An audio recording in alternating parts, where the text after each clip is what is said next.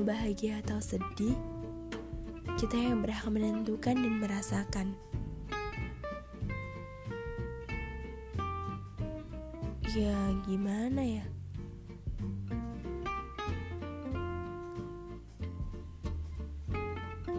Baik-baik aja atau nggak baik-baik aja?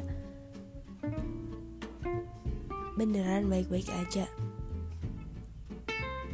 Nggak mungkin deh Nggak mungkin selalu Nggak mungkin 100% baik-baik aja Pasti ada yang nggak baiknya juga Ya nggak?